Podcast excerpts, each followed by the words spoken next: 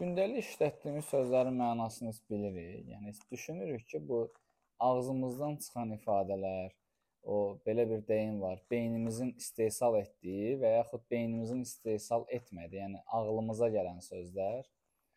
Sloqanımız bir pozitiv. Sloqanımızı unutmayaq, çünki bizim şüarımız daim pozitiv olacaq. Ətrafımızdakı insanlara da müsbət aura ötürəcək, insanlara yaxşılıq edəcək və baxmayaraq ki, bizə nə qədər arxadan zərbələr vurulsa da, arxamızda danışılsa da, bizim sloqanımız daim bu olacaq.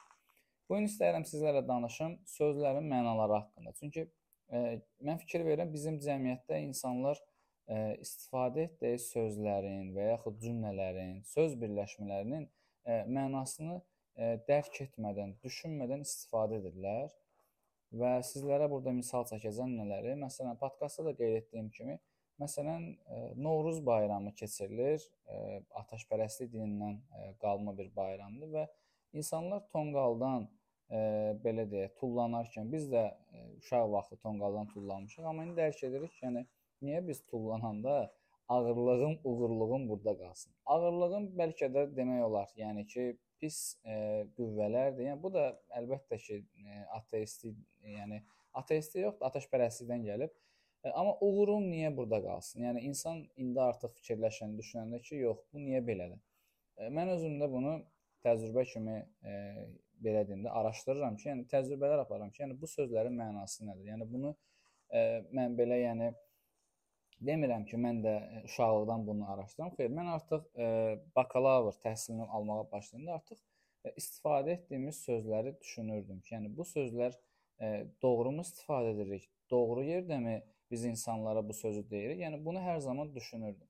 E, bu günümüzdə çox sözlər var. Məsəl üçün e, bəzən insanlar dərk etmirlər və e, bəzən deyirlər ki, məsələn hər hansı bir hadisə başlayır, deyirlər ki, yox Allah eləməsin. Deyirəm ki, niyə, nə səbəbə? Hə, deyirlər ki, ə, yox, düz gəlmir, o pis sözdür, onu istifadə etmək. Yəni orada bir növ ə, yəni bizi yaradan bir ə, Allahdsa, yəni biz artıq ona bir növ inanırıqsa ə, və artıq burada ə, biz ə, imanın şərtlərində də var ki, ə, yəni biz inanırıq ə, qədərə. Yəni başımıza gələn hər bir hadisə biz inanmalıyıq və qəbul etməliyik. Yəni bu ə, bizim belə deyək, insanların həyatı belədir. Yəni yoxsa ki, E, məsəl üçün bəzən deyirlər ki, cavan uşaq xəstələnir və yaxud hər hansı bir hadisə var. Deyirlər ki, Allah eləməsin. Əslində bu düzgün deyim deyil. Çünki e, biz baş verən sözlərin, e, deyilən sözlərin heç bir mənasını düşünmürük. E, mən istəmirəm ki, ayrı seçiciləsin, amma bəzən insanlar e, istifadə etdiyi sözləri məncə dərk etməlidirlər ki, yəni bu sözü həqiqətən mən e, doğru yerdən istifadə etdim. Bəlkə o sözün həqiqi mənasını bilən insanların e, incidə bilərəm və yaxud onların fikirlərini qarışdıra bilərəm. Məsələn, bizim cəmiyyətdə daha çox istifadə olunan sözlərdən biri var, ləbbeyk sözü var. Tərcüməsi əmrindəyəm deməkdir. Bu da ki, əlbəttə ki, yaradanın ancaq biz əmrində ola bilərik. Bəndələrin və ya belə deyək, insanların biz əmrində ola bilmərik. Əfsər olsun ki, bizim cəmiyyətdə bu söz də olur. Bəzən əvvəl mən də müzakirələr edim, bəzən əsəbləşirdim ki, insanlar niyə sözlərin mənasını öyrənməsin, amma artıq ə, əks təsir belə deyək, əks reaksiya vermirəm. Sadəcə deyirəm ki, bu sözün mənasını bilirsənmi? Əgər bilmirsənsə, mən sənə bu sözün mənasını deyim və yaxud istəyirsən araşdırmalara göstərim və yaxud özün bir araşdırmalar et.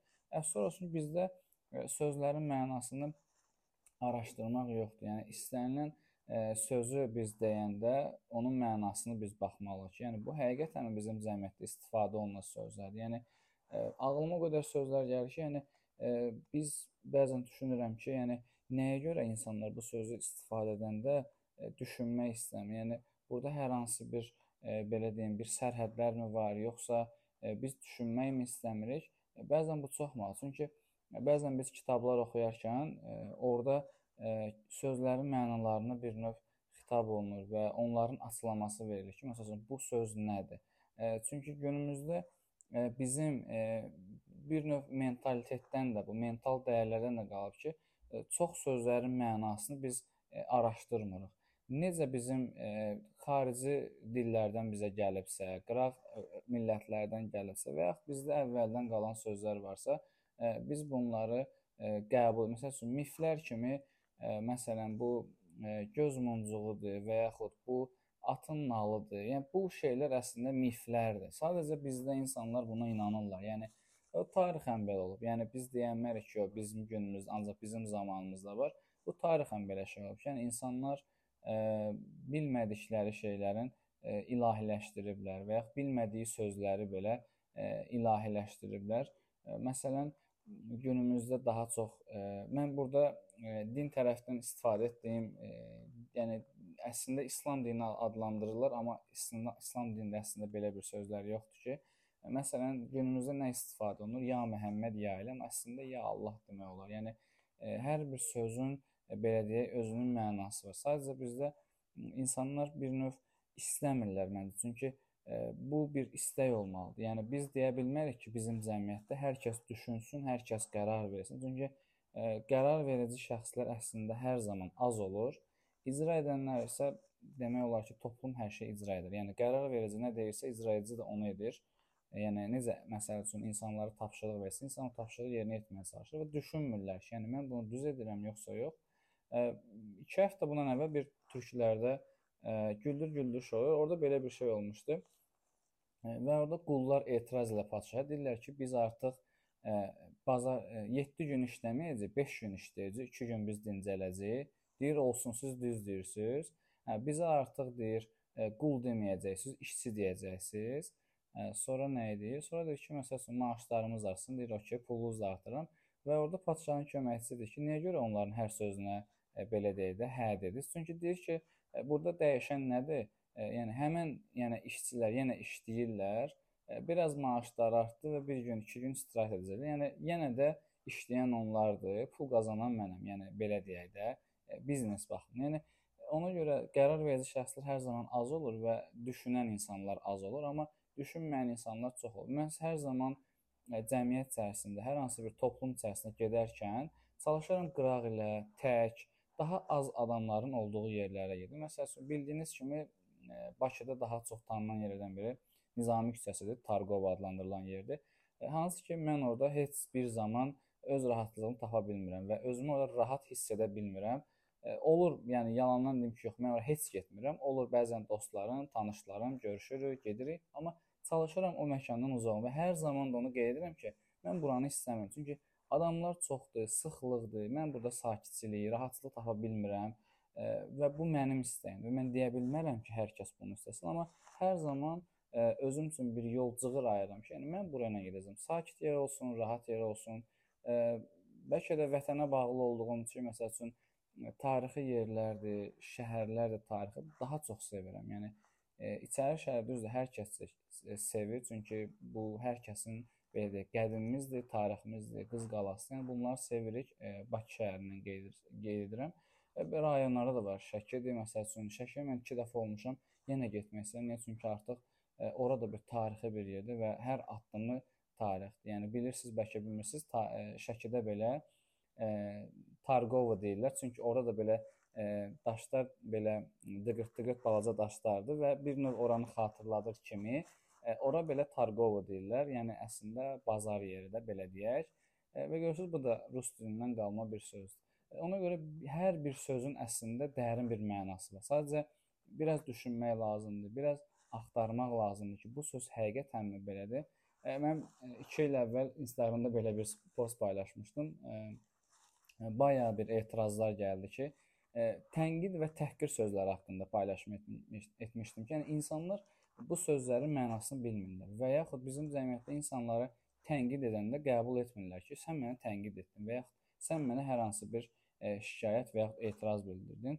Mən hər zaman ətrafımda olan insanlara qeyd edirəm ki, yəni mən insanam və bizim cəmiyyətdə insanlardan ibarətsə, biz hər zaman səhv edə bilərik. Yəni ideal insan yoxdur və kimsə deyə bilməz ki, mən səhv etmirəm və yaxud səhv ifadəni işlətmirəm. Ola bilər. Amma ən böyük müdriklik nədir?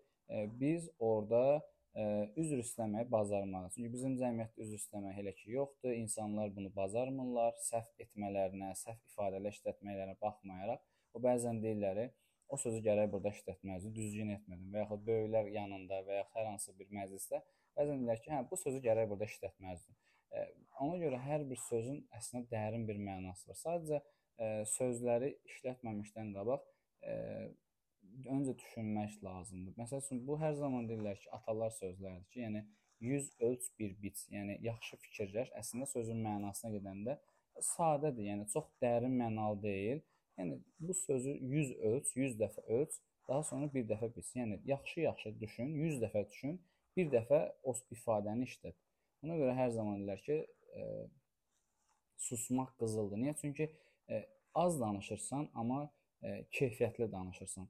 E, 1000 cümlə işlədib kəmiyyətə yox, bir cümlə və yaxud 10 cümlə işlədib keyfiyyətə önəm versin. Ona görə e, çalışmalıyıq ki, cəmiyyətdə əgər biz sağlam mühit, sağlam cəmiyyət istəyiriksə və sağlam düşüncəli insanlar istəyiriksə, e, 1000 dənə, 10 min dənə cümlə deməsin.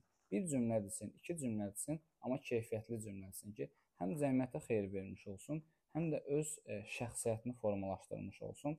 İstəmirəm sizlər çox danışım, amma bilirəm sizlərdən də çoxlu rəylər gəlir, gözəl rəylər gəlir və sizlərə çoxlu-çoxlu təşəkkür edirəm. Mənə edilən təşəkkürlər, etdiyiniz paylaşımlar mənim üçün bir növ motivasiya düzdür, qısa müddətli, amma həqiqətən mənə xoşbəxtlik hissi verir, mənə daha bir ruh yüksəkliyi verir, mənə daha da irəli uğur qazanmaq üçün daha da belə məni daha çox işləməyə sövq edir, daha çox işləməyə istəyirəm. Çünki əgər mən bunu düşünə bilirəmsə və mənim fikirlərim cəmiyyət üçün xeyirlidirsə, bu mənim üçün 10 qat, 100 qat, 1000 qat sevincdir ki, yəni mən daha çox belə deyək, cavan nəsil düşündürürəm və onların fikirlərini dəyişməyə, fikirlərini inkişaf etməyə kömək etmiş olurum. Çünki yəni qeyd edirəm, mən bakalavr 2011-15 oxuyanda, yəni daha əvvəlki dev, illərdə bu cür yox idi, yəni inkişaf bu cür deyildi, podkastlar yox idi. Yəni podkastlar hər mövzuda yazılırsa, yəni burada heç kimi qınamaq, heç kimi e, pisləmək lazım deyil ki, nə qədər podkastlar var Azərbaycanda. Bu əslində yaxşıdır. Yəni hər kəs öz sahəsi üzrə danışa bilər və hər kəs hər hansı bir mövzuda öz rəyini bildirə bilər. Yəni biz burada açıq olmalıyıq. E, rəqabət isə rəqabət kimi qəbul etsinlər, amma bu rəqabət deyil. Əslində hər kəs əgər düşünə bilənlər varsa cəmiyyətdə, onlar çalışmalıdırlar ki, mən məsələn 5 nəfəri düşündürə bilirəmsə, digər 10 nəfəri və digər 50 nəfəri düşündürə bilsə, Bu böyük bir amildir. Sadəcə bunun üzərində biraz işləmək lazımdır və biz sağlam cəmiyyət yaratmalıyıq. İnsanlardan e, mənfi və müsbət fikirləri qəbul etməyi bacarmalıyıq. Çünki e, istifadə etdiyimiz sözlərin e, dərin mənaları çox. Bəzən fikir vermisiniz ki, siyasi aləmdə e, bəzi sözləri belə deyək, e, Orxan bəyin təlimlərində bu sözlər haqqında var. Bəzi sözlər var ki, siyasi sözlərdir. Onları işlədəndə Onları da hər yerdə işlətmək olmaz. Siyasi sferada o sözün mənası varsa, adi bir yerdə sözü istifadə edəndə ə, e, o o sözün, o cümlənin qüvvəsi düşmüş olur. Yəni hər bir sözün ona görə deyilir ki, işlənmə edilir. Ona görə biz çalışmalıyıq ki, bu sözləri işlədiriksə, ə, e, əvvəlcədən düşünməliyik və çox belə deyim də, düşünün ki, bunu mən saat 1-ə qalmış çəkirəm podkast. Çünki ağlıma gəldi və yəni, çox bir dərin mövzudur. Yəni mən hər zaman fikirləşirəm də insanlar e, nəyə görə düşünmürlər sözləri işlədəndə. Məndə də olur, bilmədiyim sözlər olur, cümlələr olur. Çalışıram onları tərcümə edim, dərinə gedim ki, bu sözü bəlkə də hansısa hər hansısa bir yerdə işlədərəm, insanları incidərəm e, və yaxud insanları səhv düşüncələrə yönləndirə bilərəm və yaxud insanları mənfi düşüncələr, mənfi fikirlər ötürə bilərəm.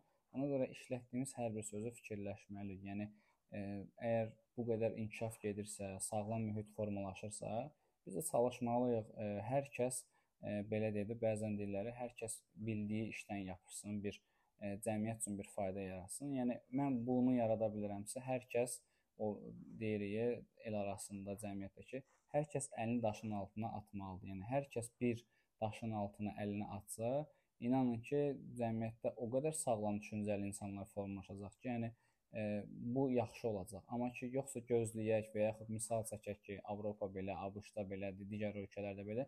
Bununla olmur. Biz nə qədər ki, düşünsək, oxusaq, inkişaf etsək, bizim cəmiyyətimiz o zaman sağlam olacaq. E, və sizlərdən e, bu haqqda da reels paylaşacağam e, sosial şəbəkələrdə. Rəylərinizi gözləyəcəm. Çünki sizin də fikirləriniz önəmlidir. Yəni e, mən hər zaman e, düzdür, əvvəl dinləmirdim, amma müəyyən bir yaş yaşdan sonra artıq 23-24 yaşından sonra artıq hər kəsi dinləməyə başlamışam. Ola bilər mənfi rəylər, müsbət rəylər, müsbət fikirlər və yaxud ə, ə, mənfi rəylər, mənfi cümlələr olur ki, yox bu belə deyil, bizdə olmayacaq. Amma yenə də bizim qarşımızda hədəf olmalıdır ki, bizim hədəfimiz sağlam mühit formalaşsın, sağlam cəmiyyət olsun və sağlam düşüncəli insanların sayı bizim millətdə, bizim cəmiyyətdə, bizim ölkəmizdə artsın və dinlədiyiniz üçün sizlərə çoxlu-çoxlu, çoxlu-çoxlu təşəkkür edirəm.